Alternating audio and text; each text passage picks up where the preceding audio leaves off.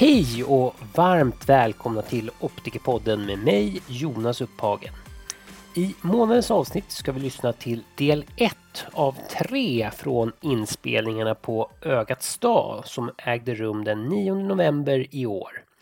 Ögonläkarna Anders Kvanta och Gustav Stålhammar delar sin kunskap om ärftlig blindhet och fläckar på ögonbotten. Men innan vi kastar oss in i ämnena, låt mig berätta snabbt om Ögonfonden. Ögonfonden var tidigare känd som Synfrämjandets forskningsfond och grundades 1984 för att främja och initiera vetenskaplig ögon och synforskning för att förebygga och behandla ögonsjukdomar samt effektivt utnyttja kvarvarande synförmåga. På Ögats dag, som arrangerades av Ögonfonden den 9 november, så deltog över 100 personer fysiskt och 500 online. Nu, låt oss utforska del 1 av dessa spännande ämnen från Ögats dag. Tack för att ni lyssnar.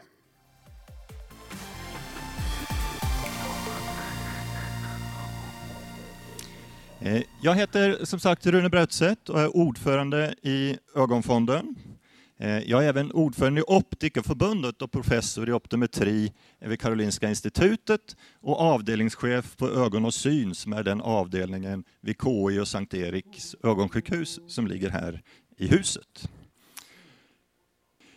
Lite kort om eh, Synfrämjandets forskningsfond som numera heter Ögonfonden. Vi bildades 1984 av eh, Sveriges optikerförbund, Sveriges ögonläkarförening och Synskadades riksförbund. Och fonden har som andemål att främja och initiera vetenskaplig ögon och synforskning i syfte att förebygga, behandla ögonsjukdomar samt effektivt utnyttja kvarvarande synförmåga. År 2022 så delade vi ut 5,5 miljon och vi har som mål att växa och därigenom öka vår utdelning varje år. Så 2023 så hade vi möjlighet att dela ut 6 miljoner kronor till 38 forskare i Sverige. Och det är forskare vid alla svenska universitet där det pågår ögonforskning eh, som får ta del av våra medel, så från Umeå i norr eh, till Lund i syd. Eh, dagens talare eh, till stor del är ett axplock av de som fick anslag eh, nu i år.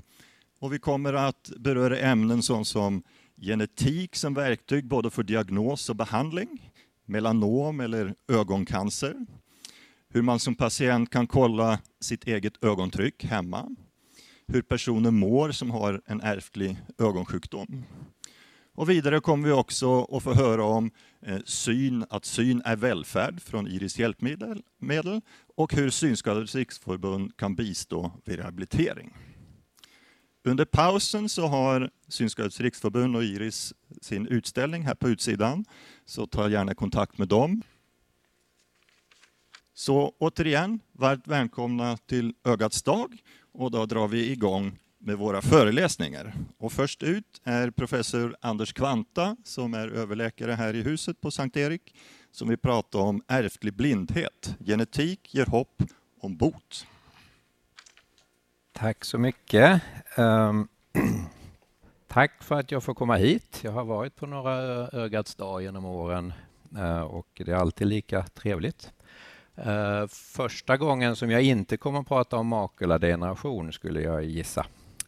Uh, det är också kul att se att det är så många här idag i den här i regniga Stockholm.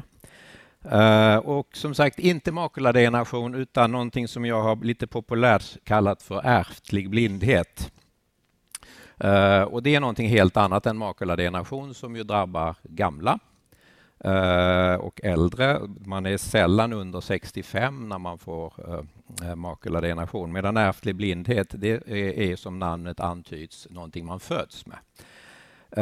och då, då, det är ju så att för de flesta av oss så är det ju så här vi upplever världen. Vi har liksom en komplett bild av omgivningen. Vi ser skarpt centralt. När vi inte gör det så kan vi ha till exempel just makuladegeneration. Men vi har det liksom också det perifera seendet intakt. Men eh, för vissa eh, som rör sig i samhället och kanske några som sitter här i publiken så blir synen på det här viset. Den kryper ihop från sidorna in mot mitten. Man kallar det för tunnelseende. Man kan ha en hyfsat intakt syn centralt ganska länge. Eh, men, men som sagt, eh, eh, det är fortfarande oerhört handikappande och med tiden så tappar man ju förstås även det här centrala seendet. Det här är det klassiska utseendet på någonting som kallas för retinitis pigmentosa som är den huvudsakliga gruppen sjukdomar inom ärftlig blindhet. Då. Uh, och vad, vad, är det vi pratar om då? Jo, det är alltså uh, sammantaget den vanligaste orsaken till uh, svår synnedsättning och blindhet hos yngre i, i hela västvärlden. Man pratar om att det är ungefär två miljoner människor som lider av det här. Men det är väldigt viktigt att poängtera och det kommer också temat för min, min presentation sen in på. Då. Det här är ju inte en sjukdom utan det är väldigt många sjukdomar som, som är placerade under en sorts paraply som vi då kallar för ärftlig blindhet eller retinitis pigmentosa. Eh, och att det är så många sjukdomar beror på att orsaken sitter i väldigt många olika typer av gener i, i, i ögats näthinna. Eh, och beroende på vilken gen som är drabbad eh, av, av den här defekten så får man då en variant på sjukdomen. Och det finns alltså då hundratals olika varianter och alla är mer eller mindre ovanliga. Det, det är bara tillsammans som det blir en förhållandevis vanlig sjukdom och drabbar då många. Eh, vi har i princip ingen behandling. Tills för bara några år sedan så skulle jag sagt att det överhuvudtaget inte existerar behandling, men jag kommer alldeles på slutet in på på, på detta. Men det finns faktiskt idag en behandling som då är godkänd och även tillgänglig i Sverige nu då. Och där, där några enstaka patienter har behandlats. Uh, men, eh, men på det stora hela kan man säga att det här är ett, ett oerhört stort uh, terapibehov vi har. Där. Det är alltså väldigt många som drabbas och det är väldigt lite vi kan erbjuda dem när det gäller behandling. Eh, och det säger ju sig självt att det här drar väldigt mycket samhällsresurser. Resurser. Det drabbar ju unga som kanske har svårt att jobba eller, eller behöver olika anpassningar. Och, och, och, det är förstås, förutom att det är ett, ett eh, fysiskt och medicinskt handikapp på de som drabbas, så är som sagt även samhället väldigt drabbat av det här. Så någonting måste ju göras då och eh, för att komma till rätta med det eller försöka komma en bit på vägen så behöver man då förstå lite mer vad det är som pågår vid, vid de här sjukdomarna. Eh, och då ska jag introducera begreppet syncykeln. Eh, det är den process med vilket ögat omvandlar de, de ljusimpulser vi får in i ögat, då, alltså de upplevelser vi får, till elektriska signaler som sen via synnerven når synbarken. Det är det vi kallar för syncykel. Det är den processen som sker i näthinnan. Då. Eh, och den sker närmare bestämt i näthinnans fotoreceptorer, alltså våra tappar och stavar, respektive en sorts stödjecell som kallas för pigmentepitelcell eller pigmentepitel. Och tittar vi uppförstorat på näthinnan så ser ni då här att det är det, är de här två lagren som sitter allra längst in i, i, i, på näthinnans eh, baksida kan man säga. Näthinnan är ju tapeten som sitter på insidan av ögat i sin tur och alldeles längst in i, på, på, på näthinnan på dess baksida, där sitter de här cellerna. Då. Eh, vad som då händer om vi tittar lite närmare på de här cellerna i sin tur, på fotoreceptorn och pigmentepitelet. Båda de är nämligen nödvändiga för att syncykeln ska fungera så är det så att i fotoreceptorerna så har vi något som heter synpigment eller rhodopsin. Och normalt sett så är det här rhodosinet så kallat aktivt. Men om man belyser det med, med, med någon, någonting, ett ljus, solen har jag ritat här bara som ett exempel, så kommer rhodopsinet att bli inaktivt. Uh, och då har den i sin inaktiva form inte längre förmåga att skapa nya elektriska impulser utan då behöver den återaktiveras. Och det sker den med hjälp av eh, A-vitamin. Så det här morotsvitaminet som man brukar prata om att det är bra att äta morötter för att man ska bevara sin syn, det kommer här av att det här vitamin A A-vitaminet ingår i den här syncykeln. Och det är det här A-vitaminet som behöver då omvandlas till sin aktiva form och det sker i, i, i den intilliggande cellen, den här pigmentepitelcellen. Så här snurrar det här A-vitaminet runt Eh, och genom olika bio, biologiska processer blir det aktivt igen och kopplar sen på sig igen på det här synpigmentet rhodopsinet så, så att det återigen blir aktivt och, och har förmåga att återigen skicka elektriska signaler. Så det är principen för syncykeln. Men för att förstå det här med de här mutationerna och de här generna som var inblandade, då måste man också introducera lite andra strukturer och lite andra molekyler här. Eh, och det är nämligen det att den här cykeln den är beroende av olika proteiner och det här är en väldigt, som alltid i sådana här sammanhang, väldigt förenklad skiss jag har här. Men den visar bara att det finns lite olika proteiner som är inblandade i den här aktiveringsprocessen och de har alla lite knepiga förkortningar. Eh, men poängen är att i var och en av de här olika proteinerna så kan man då födas med en mutation som gör att de inte fungerar och fungerar inte de här proteinerna då fungerar inte cykeln och man tappar förmågan att processa det här ljuset som, som vi pratar om då och, och alltså följaktligen blir synskadad och blind. Eh, och då har vi en speciell sjukdom eh, som eh, heter Botniadystrofi. Eh, och Botniadystrofi det är en av alla dessa jättemånga varianter på retinitis pigmentosa, alltså på ärftlig blindhet. Och den är specifikt eh, eh, orsakad av en mutation i det här proteinet som jag nu satt ett rött kryss över. Det spelar inte så stor roll vad det heter. Det heter KALB, men, men, och det är i sin tur en förkortning. Men det väsentliga är att den genen som kodar för det här, som, som, som, som gör att vi kan tillverka det här proteinet, Eh, det är där mutationen sitter hos de här eh, patienterna, individerna som har just botniadystrofi. Botnia, ni vet, det är ju då eh, det, det, det, det är ju, det är havet utanför väst, äh, Västerbotten. Äh, och äh, därav att den har fått sitt namn. Eh, därför att det är där som den är faktiskt vanligast. Jag kommer in på det alldeles strax. Men, det, men om ni undrar varför den heter Botniadystrofi så är det just för att det, det, där har man en grupp patienter som är så, så, så, och, och, de är förhållandevis många för, för den här ovanliga sjukdomen.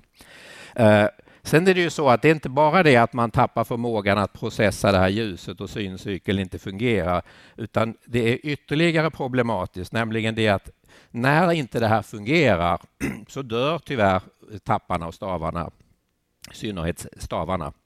Uh, och det är därför som man får den här syninskränkningen, det här tunnelseendet som vi såg innan. Så att om man inte har en fungerande syncykel så har man till slut inga fotoreceptorer kvar och då dör de i sin tur. Vilket gör att sjukdomen blir så kallat irreversibel när det gäller det. Man kan liksom inte få tillbaka de här fotoreceptorerna som har dött. Då. Eh, så hur ska man göra här nu då? Jag har ju pratat mycket om det här med gener och jag har pratat om att det är mutationer och de fungerar inte. Eh, proteinet som då den här genen ska då eh, tillverka de här proteinerna ifrån. Eh, och då är det ju så att modern genteknologi då har skapat eh, nya redskap för oss där man faktiskt i teorin och i viss mån i praktiken också nu faktiskt kan laga trasiga gener och där är då virus någonting som har blivit väldigt eh, intressant.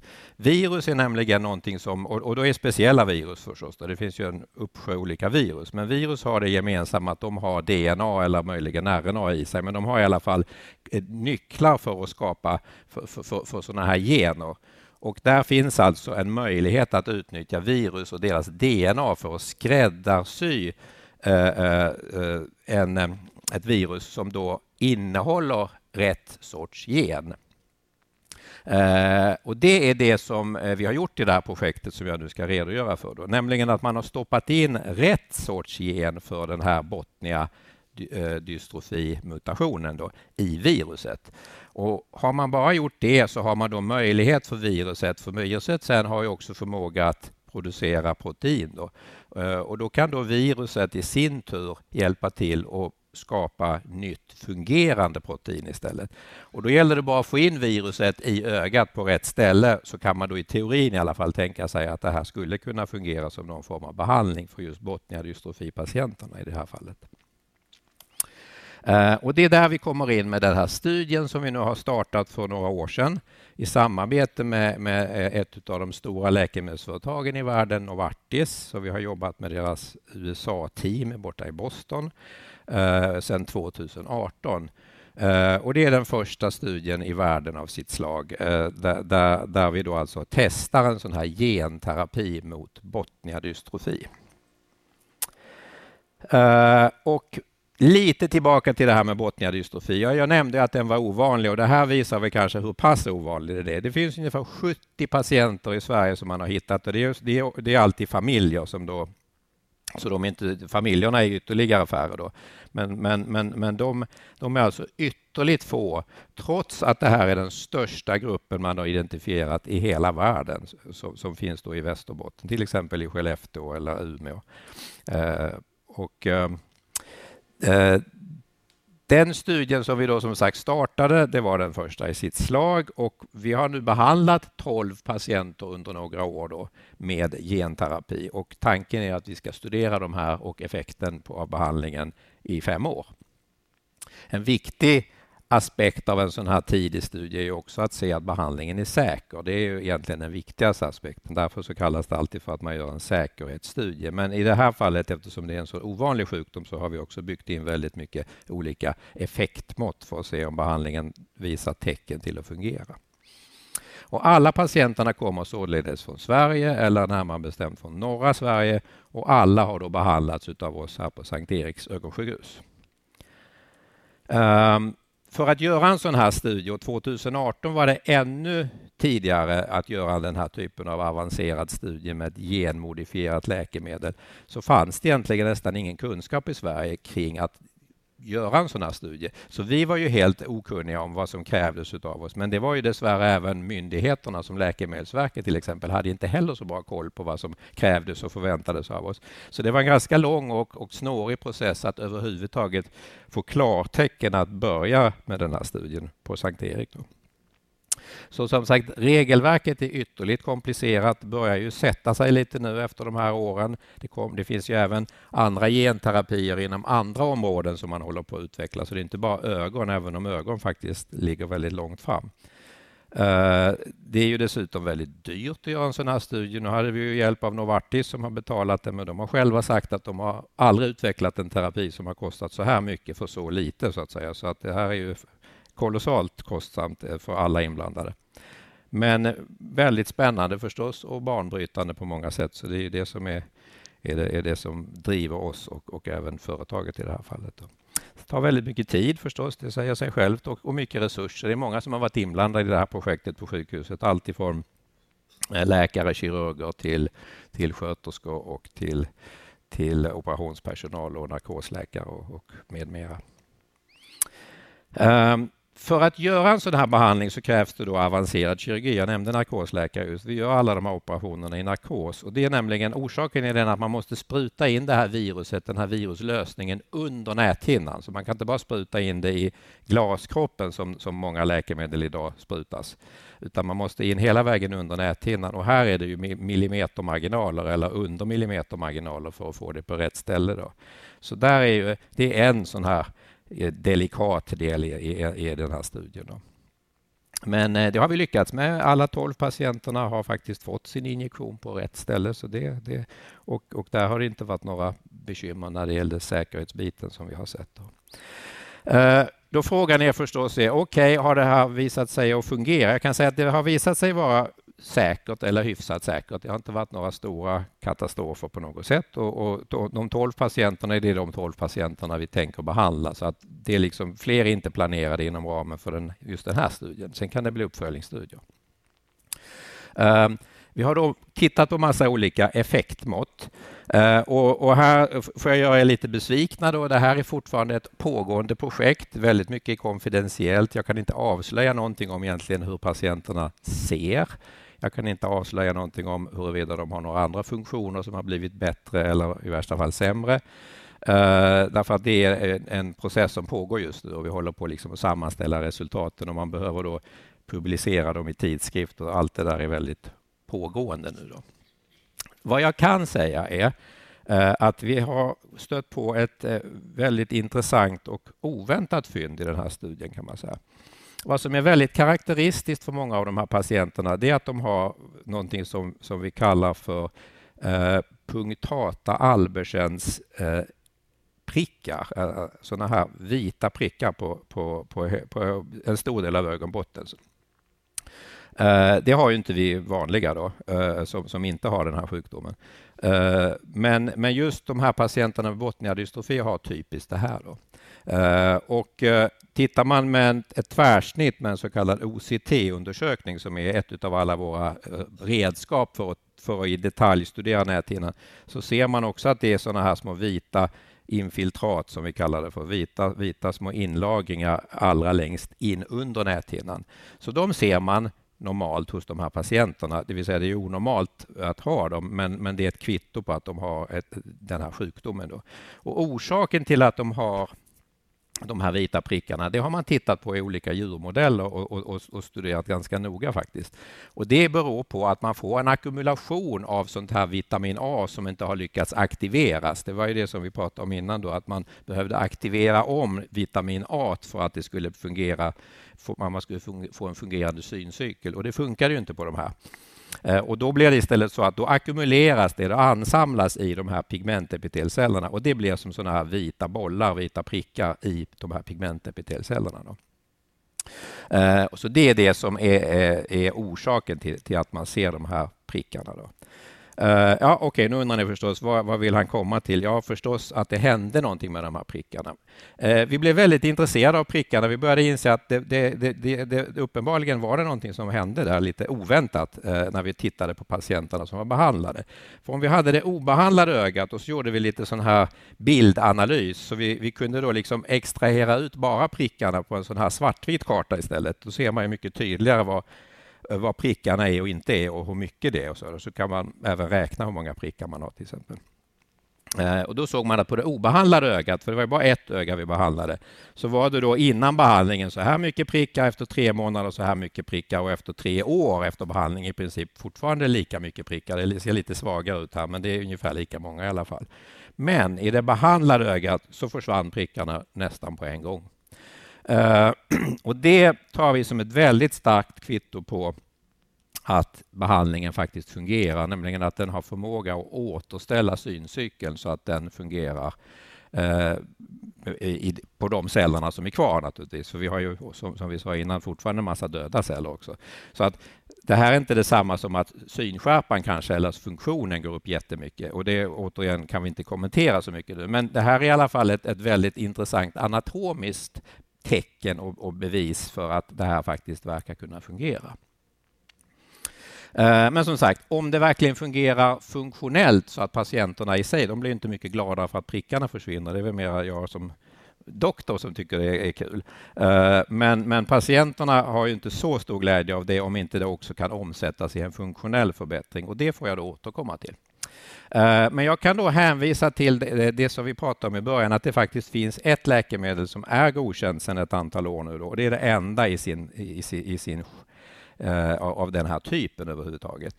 Uh, och då är det så att vi har en liten kille som blev behandlad med det här andra läkemedlet. Då. och den här filmen visar att han går på en liten hinderbana Eh, och först så är det då att han går på hinderbanan eller försöker gå på hinderbanan innan han får behandlingen och sen så eh, visar, man, eh, visar filmen hur det ser ut när han har fått behandlingen. Så att nu är det då, den heter då LCA istället, Lebers kongenital amaros, alltså en annan mutation, då, en annan, helt annan typ av variant på ärftlig blindhet. Då. Det här är innan, de ber honom gå på hinderbanan, men han säger att jag ser ju ingenting, så var ska jag gå någonstans ungefär? Uh, och, och, och, och um, då ehm, har han ju stora problem, går in i den där stoppskylten bland annat. Eh, och eh, ni anar att det liksom är lite sådana här pilar och, och, och bollar och, och, hinder på, på golvet där som han ska då navigera runt. Då. Så får han sin behandling och då tar han sig runt på det här viset. Och kan till och med se att hindren står upp så att han kan liksom kliva över dem. Och tar ju sig runt den där banan som ingenting och han kan även fånga basebollen som hans pappa kastat till honom. Så nog kan det här fungera eh, när det fungerar. Och eh, det, det, här är ett jättestort genombrott att, att man överhuvudtaget har kunnat visa det. Och vi hoppas ju förstås att även eh, den studien vi har gjort ska kunna visa på något spännande resultat för patienterna när det gäller funktion. Men där är vi inte riktigt än och jag får återkomma till det. Men eh, vi har i alla fall en genterapi och den har då fått godkänt i först USA och sen i Europa och även Sverige. Då. Eh, men då kommer vi till ett annat litet krux när det gäller de här behandlingarna och det är att de är ganska dyra. 10 miljoner ungefär kostar det här läkemedlet som den där lilla killen fick. Då. Men det är ju väldigt ovanliga sjukdomar och som jag sa innan, det kostar oerhört mycket att utveckla dem. Så att om läkemedelsföretagen ska tycka att det är värt överhuvudtaget, då måste de ju få betalt för all utveckling till, eh, för att så få ska kunna liksom behandlas. Så det är det som är kruxet. Då. Uh, ja, det var det om ärftlig blindhet och jag tackar för uppmärksamheten.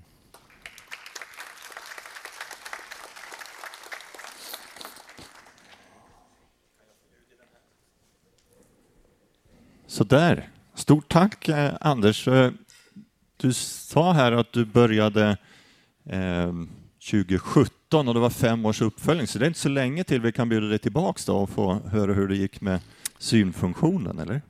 Det är ju så med sådana här fas 1-studier och i, i synnerhet där det är ett sånt här avancerat läkemedel att rekryteringen till studien går väldigt långsamt. Så första patienten behandlades 2018, sista patienten behandlades 2021. Så 12 patienter på tre år. Så det är därifrån man ska räkna om man ska ha slutresultatet. Men jag tror å andra sidan att jag kommer kunna meddela resultat lite tidigare så, så fullt så illa är det inte som 2027 eller vad det blir. Då. Vad bra, då, då bjuder vi dig tillbaks. Har vi några frågor eh, bland publiken? Ja. Tack så mycket. Niklas Mattsson från Synskadades riksförbund. Jag undrar, du säger att de, den här eh, alltså den är så geografiskt eh, centrerad. Eh, är det för att man har haft någon läkare som har kunnat det här eller är det så? Alltså, kan, man ha, kan det finnas på andra håll i landet också? Eh, jag skulle säga att det är så. Eh, det, det, det, är för sig sant att det finns en läkare som är särskilt intresserad av, av, av det här. Marie, uh, tappar jag namnet där, men, men, men i Umeå. och hon har ju studerat och det teamet har ju studerat den här gruppen väldigt länge, men det är för att de visste att de fanns. Eh, det, det, är ju så att det finns eh, olika sådana här eh, genetiska kluster runt om i världen och, och norra Sverige är ju ett sådant. Och det, det finns historiska skäl. Man har haft en sorts inavel historiskt där i, i avlägsna trakter.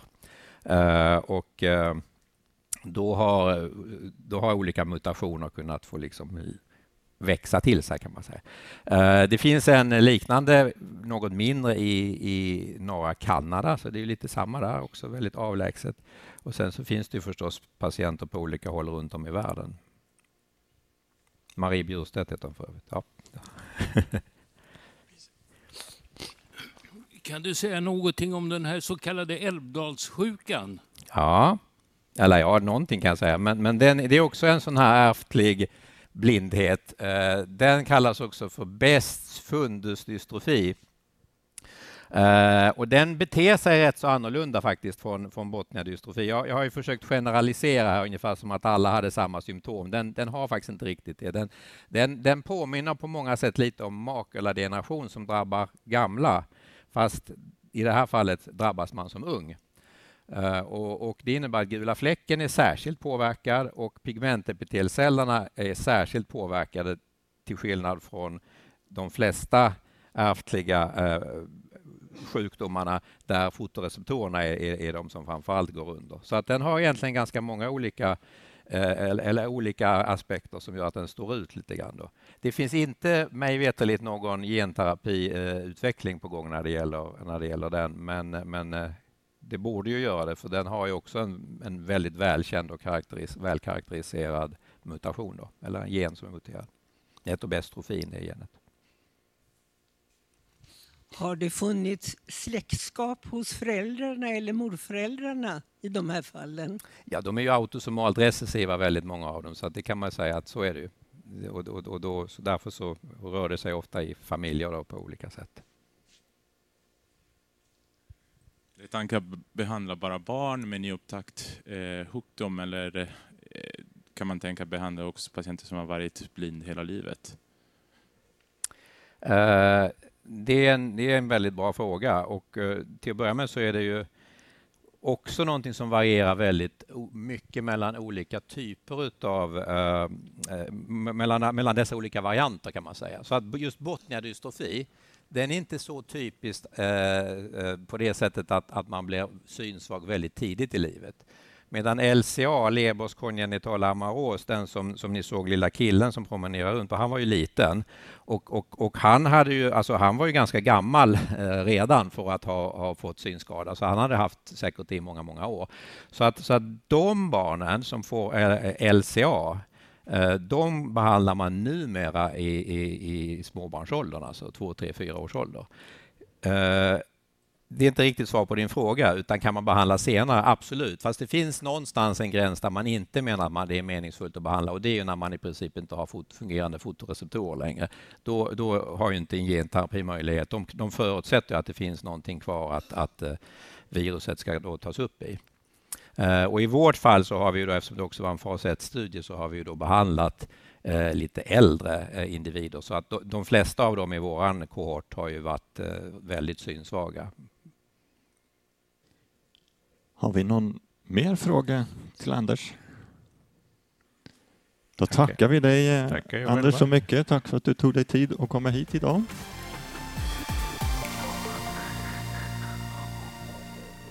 Så välkomnar vi fram Gustav Stålhammar som är biträdande överläkare och docent, också han här på Sankt Erik, eh, som ska prata om fläcken i ögonbotten.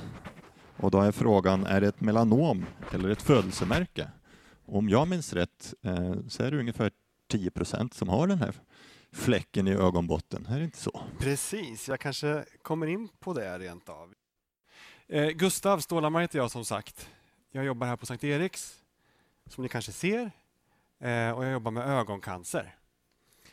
Det finns förstås jättemycket att säga om ögoncancer. Det, det är ett stort fält i sig själv och jag skulle gärna stå här och prata i timmar om det, men det kanske inte ni är lika sugna på. Så att jag har valt ut att prata om ett ämne som jag tror berör oss alla. Eh, och tack eh, till arrangörerna för att jag fick komma hit och prata. Stoppa mig gärna om jag är otydlig eller om ni inte hör vad jag säger. eller sådär. Helt okej. Okay. Eh, fläcken i ögonbotten, ja. Är den ett melanom eller är det ett födelsemärke? Jag har inga eh, jävsförhållanden så vitt jag själv vet annat än att jag känner tacksamhet nu mot Ögonfonden.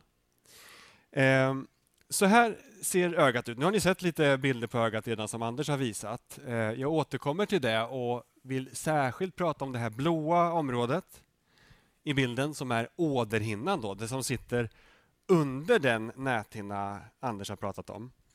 Näthinnan får till stor del sitt syre och sin näring från just åderhinnan. Eh, och i den hinnan så har vi massa pigmentproducerande celler, alltså melanocyter. Ungefär samma typ som vi har i huden. Eh, de kan även finnas i strålkroppen, som är muskeln som styr ögats lins, och i regnbågshinnan, iris. Och iris är då alltså den enda delen av uvea som vi kan se. Till exempel i spegeln, och då kan det se ut så här, det känner ni till. Så det som är färgat där, brunt eller blått eller grönt, det är alltså iris och det är den eh, del av åderhinnan av uvea som ligger längst fram i ögat. Men det fortsätter alltså bak hela vägen runt till synnerven och gula fläcken. Eh, och I den hinnan kan man, eh, som i nästan alla andra delar av kroppen, få, få tumörer. Eh, och Det jobbar jag med. Särskilt idag vill jag prata om melanom Maligna melanom brukar man säga, men malignt är egentligen en, en onödig, eh, ett onödigt tillägg därför det finns inga benigna, det finns inga godartade melanom. Så melanom duger alldeles utmärkt. Eh, och det är också eh, Anders sjukdomar ovanliga. Det här vi pratar om eh, 70 personer som har botniadystrofi. Det här är också ovanligt med elakartade tumörer inne i ögat, tack och lov. Men inte riktigt lika ovanligt. Så att nu har vi ungefär 130-140 patienter per år i Sverige som får melanom i åderhinnan. Och det är på ökande. vilket går lite grann stick i stäv med den kunskap vi har haft sedan tidigare. Då har man trott att det här ligger stabilt år ut och år in, men det ökar av okänd orsak därför att sol, solexponering till exempel är inte en riskfaktor. Och då är frågan då, fläckar var ju titeln här, men här står det om stora tumörer. Jo, det är nämligen så att för oss ögonläkare så är det förstås inte särskilt svårt att, att säga om det finns en tumör eller inte när det ser ut så här, när man har en stor klump in i ögat. Då är det lätt för oss att säga att du har tyvärr en tumör i ögat, det måste vi behandla. Behandlingen, eh, liksom tumören, innebär förstås stor risk att synfunktionen på ett eller annat sätt påverkas jättemycket. Dessutom, till skillnad mot nästan alla andra ögonsjukdomar, så är det här faktiskt sjukdomar som leder till döden för en stor andel av våra patienter. Så utöver jättestor påverkan på synen så har det också stor påverkan på, på förväntad livslängd. Det är nämligen uppåt 40 procent av alla patienter som får de här tumörerna som får metastaser och avlider av sin sjukdom. Ehm, men om det ser ut så här så är det alltså inte särskilt svårt för oss att, att säga bu eller bä. Eh, och det är kanske inte framförallt det som jag vill prata om här idag. Eh, utan jag vill prata om de här mycket mindre fläckarna som finns inne i ögat hos en stor del av, av oss som sitter här. Rune nämnde det att eh, i ungefär 7 av kaukasier så har man födelsemärken, säger vi, i ögonbotten. Så om vi är 10 miljoner invånare i Sverige så är det väl 700 000 människor då som har fläckar i ögonbotten. Och om vi är, vad kan vi vara här inne, ett hundratal så är det kanske 7-8 personer här inne som, som har sådana här fläckar. Det kan förstås vara oroande men det stora problemet är ju att säga om de är farliga eller inte farliga. Hur gör vi då det? Och det är det jag vill prata om här idag. För även de här stora tumörerna som jag visade först har ju förstås en gång varit små. Små fläckar som kan se ut på alla möjliga sätt där inne i ögat. Små bruna fläckar i ögonbotten. Jag visar några exempel här.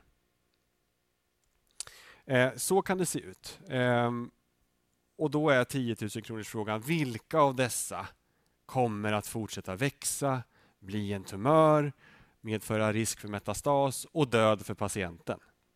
Eh, det är förstås en jätteviktig fråga. Ehm, Problemet är att vi är en klinik, en sektion här på Sankt Eriks ögonsjukhus som jobbar med det här i Sverige.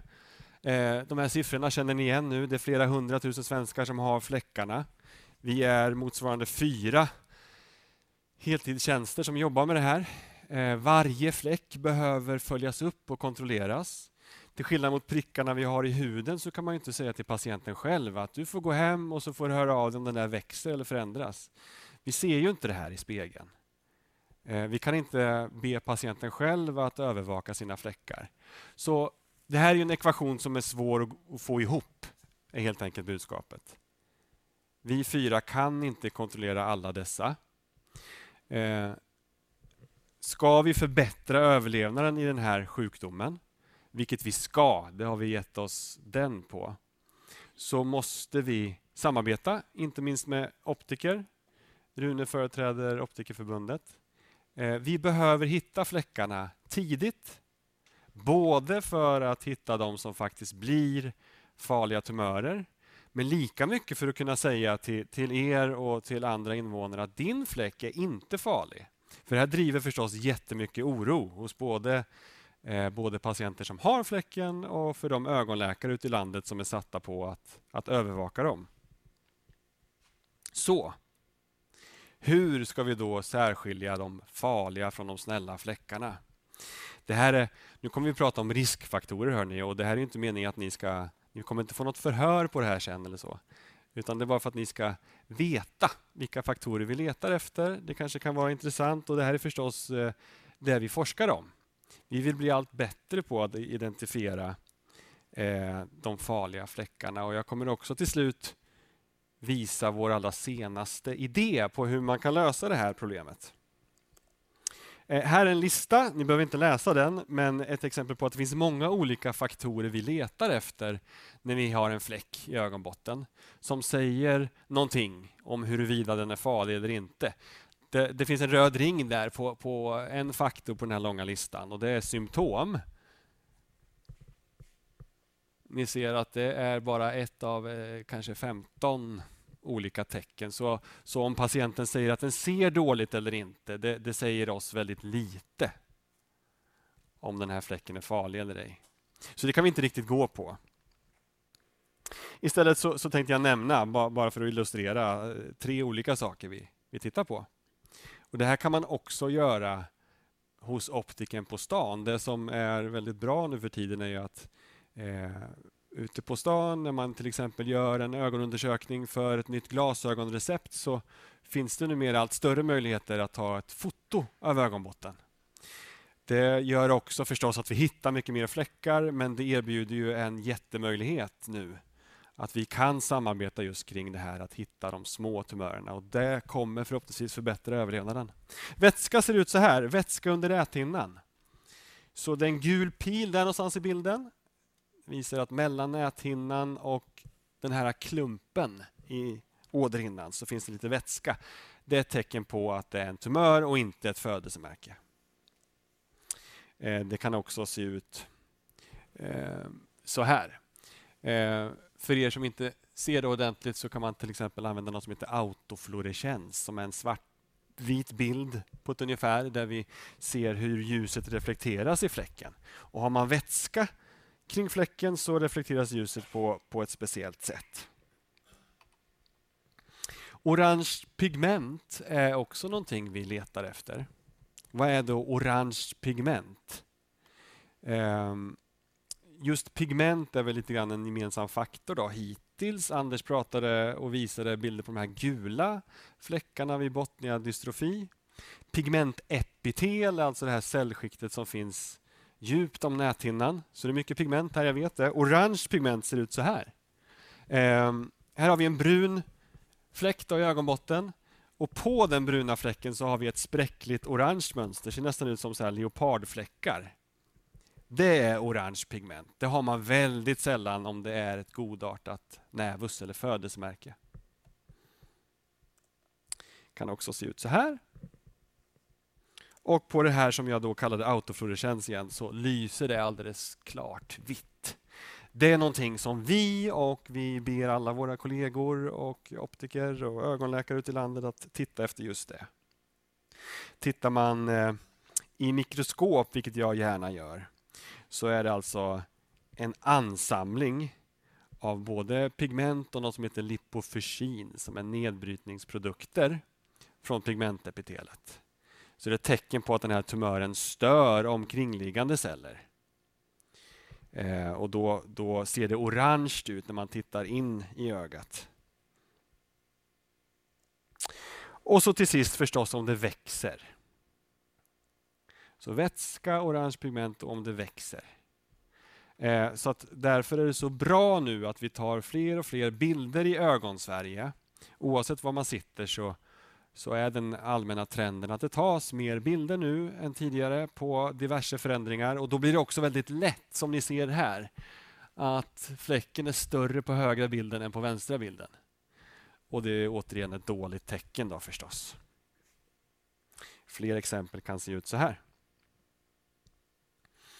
Utöver vätska, orange pigment och växt så finns det ett antal så här minnesregler återigen det behöver ni inte lägga på minnet, det är mest för att ni ska se vad som finns. Och Det här hjälper ju framförallt ögonläkare som är satta att komma ihåg alla de här olika tecknen att leta efter.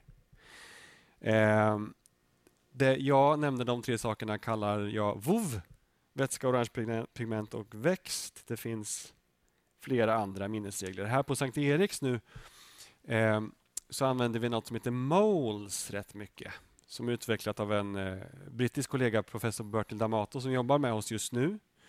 Eh, det är en, an en annan variant av det jag pratar om helt enkelt. Och Det används mycket nu i Sverige just för att vi ska påminna oss om hur man hittar de här farliga fläckarna. Det vi tror på... Är ni med så långt förresten? Pratar jag för fort? Nej, bra. Eh, det vi tror på och jobbar med just nu och också det som vi fick anslag för nu eh, är artificiell intelligens. Eh, det är ju lite grann en fluga, det är jag medveten om. Och man kanske har lite olika eh, känslor inför det. Eh, jag vill avdramatisera artificiell intelligens. Det pratas ofta om framtidssamhällen och det är robotar och allt möjligt. Här ska vi bara analysera bilder för att hitta farliga fläckar bland de goda. Väldigt odramatiskt. Och det, det, det, vi, det vi gör och, och, eh, har gjort, vi har kommit ganska eh, långt på väg, det är att samla in väldigt mycket bilder på, på olika fläckar i ögonbotten. Och så har vi uppföljningsdata så att vi vet att de här 500 små prickarna blev melanom och de här 1500 små prickarna blev inte det utan fortsatte vara små prickar så länge vi följde patienten. Och så använder vi den informationen och de bilderna för att utveckla en algoritm som hjälper oss när man skickar in en ny bild att säga att den här fläcken tillhör den ena eller den andra gruppen. Väldigt enkelt, men eh, det tror vi, om vi lyckas sprida det här eh, till, till de som träffar patienter med fläckar, tror vi kan underlätta. Så arbetet pågår faktiskt eh, medan vi pratar nu. Vi har eh, eh Eh, dels har jag en doktorand som, som är huvudansvarig för det här, Shiva Sabazade som är jätteduktig. Dels har vi eh, en expert på just artificiell intelligens som gör själva koden. Och slutresultatet tänker vi oss någonting sånt här. Att man får en eh, riskscore eller en, en uppskattning av hur stor risk är det att min fläck blir ett melanom.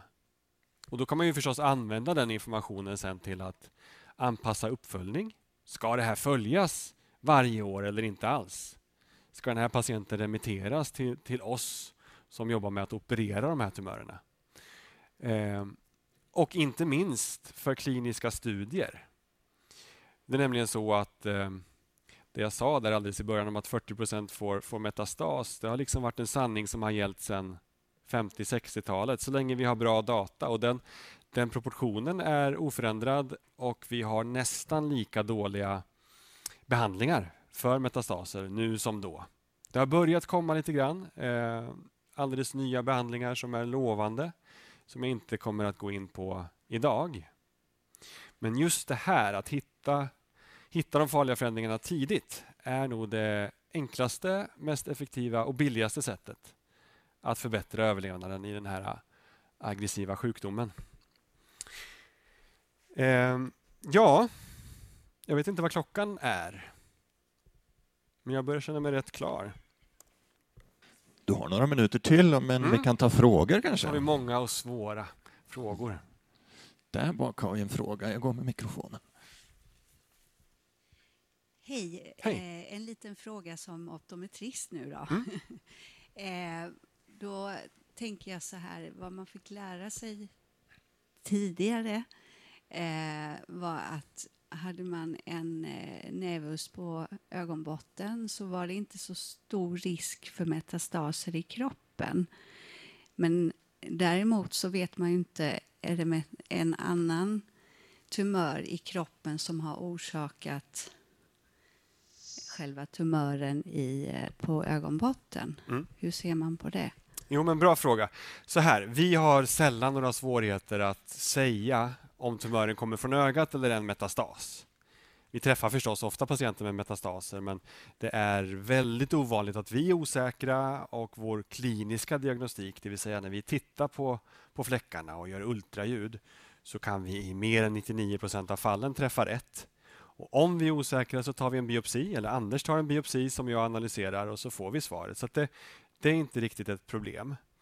Eh, första ledet i din fråga, att nävus inte ger metastaser, ja, men det, det är huvudet på, spi, på spiken. Eh, däremot är svårigheten, svårigheten att skilja små melanom från nävus. Det är det jag adresserar här, därför att de här tumörerna, alla som sagt har ju varit små en gång i tiden. De sätter ofta metastaser så tidigt att, att eh, vid det tillfälle man behandlar tumören så har den spridningen redan skett. Eh, så där har man ju till och med sagt att själva vår behandling inte påverkar risken eh, för metastas. Nu tror jag att det gör det och nyare data liksom antyder det. Men, men, de som får metastaser, i de fallen har tumörcellerna lämnat ögat redan innan vi, innan vi hittar tumören i ögat. Mm. Var det svar på frågan? Ja. Någon mer fråga till Gustav? Anders har en fråga. Ja, tack Gustav, Jätte, jättetrevlig föreläsning. Eh, jag är lite nyfiken på det här med AI. Eh, jag tyckte, du, du, kan du utveckla lite, hur, hur tränar man AI-programmet så att det liksom kan säga att den här, det, detta nervus blir sannolikt en tumör till skillnad från det här nervuset? Mm. Eh, så här, nu har, vi, nu har jag jobbat med, med AI i lite andra projekt och ehm, ehm, i vårt fall gör vi det väldigt enkelt för oss. Ehm, det är nämligen så att eh, eh, själva klassificeringen som AI gör, det vet ju ingen exakt hur det går till. Man brukar prata om en, så här, en svart box. att hur, Vad AI letar efter i bilden, det vet vi inte. Men rimligtvis så, så, funkar det så att vi matar in väldigt mycket bilder där AI får veta det här är ett nervus, det här blev inte ett melanom och det här blev ett melanom. Så den, den datan är, är det som klassifikationen sedan grundas på. Eh, och I och med de, att de här bilderna är ganska lika, de flesta bilderna kommer ha en synnerv, de kommer ha kärl, de kommer ha en gul fläck. Och Det kommer ju inte variera mellan grupperna. Så både de som hade små fläckar som blev melanom och de som inte blev det kommer ju ha samma strukturer i ögat. Då förstår AI ganska snabbt att nej, det är inte det som gör skillnaden huruvida en patient hör till ena gruppen eller den andra. Utan då ganska snabbt, och det kan man följa hur den börjar isolera fläcken. Så, så den fattar efter några bilder att det är bruna fläcken som är, som är skillnaden mellan grupperna. Och sen så, så letar den efter skillnader mellan grupperna. Exakt vilka skillnader den hittar, det vet, får vi aldrig veta. Eh, vilket också en del använder som kritik mot AI. Att, att eh, det, är lite om, det är lite utom vår kontroll. Eh, här, I det här projektet är det väldigt begränsat antal faktorer så vi vill ju bara ha ett mått. Eh, en sannolikhet att den här fläcken tillhör ena gruppen eller den andra. Men, men, självklart kan det vara mer problematiskt om man använder det för mer liksom komplexa förutsägelser. Men här håller vi det väldigt enkelt. Mm. Mm. Vi har 15 1300 drygt fläckar som inte blev melanom och över 100 fläckar som blev melanom. Vilket förvånade oss. Vi trodde ju, eftersom vi jobbar här, så vi ser ju förstås de fläckar som har oroat någon ute i landet och så har patienten kommit till oss. Vi trodde att nästan alla våra fläckar skulle vara sådana som blev melanom. Men så var det inte. Eh, och Vi skulle gärna haft fler eh, fläckar som blev melanom, men det kan vara svårt därför att finns det något som oroar Eh, i bilden eller fläcken så leder det oftast ganska snabbt till behandling. Så att, eh, 1600 då, sammanlagt och, och, för en perfekt AI så vill man gärna ha uppåt 10 000. Men i, i ögonsammanhang är det ovanligt och det gäller ju även sån här, man har använt det här för diabetes screening. Eh, för AMD tror jag det finns. Eh, och det är ju alltid så att man har lite färre bilder än vad man hade önskat i ögonsammanhang. Jaha, du önskar dig fler bilder med melanom, men det är ingen av oss som vill erbjuda Nej. oss det. Mm, eller hur? Mm. Någon mer fråga till Gustav? Nej, men stort tack. Och jag kan tack. säga att behöver du bilder bara för att testa din AI-modell så tror jag medlemmen i Optikförbundet lätt kan skicka in en hel del bilder, så du får höra av dig i så fall. Kul. Ja, det gör jag gärna och det mm. behövs. Bra. Tack Gustav. Tack.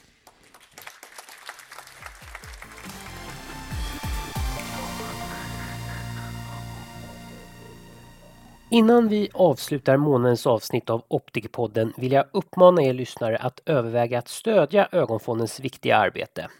Fondens mål är att främja vetenskaplig ögon och synforskning för att förebygga och behandla ögonsjukdomar samt effektivt utnyttja kvarvarande synförmåga.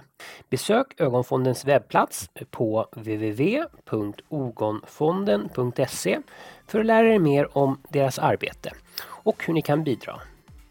Tack för att ni lyssnat på månens avsnitt och för ert potentiella stöd till Ögonfonden. Vi hörs!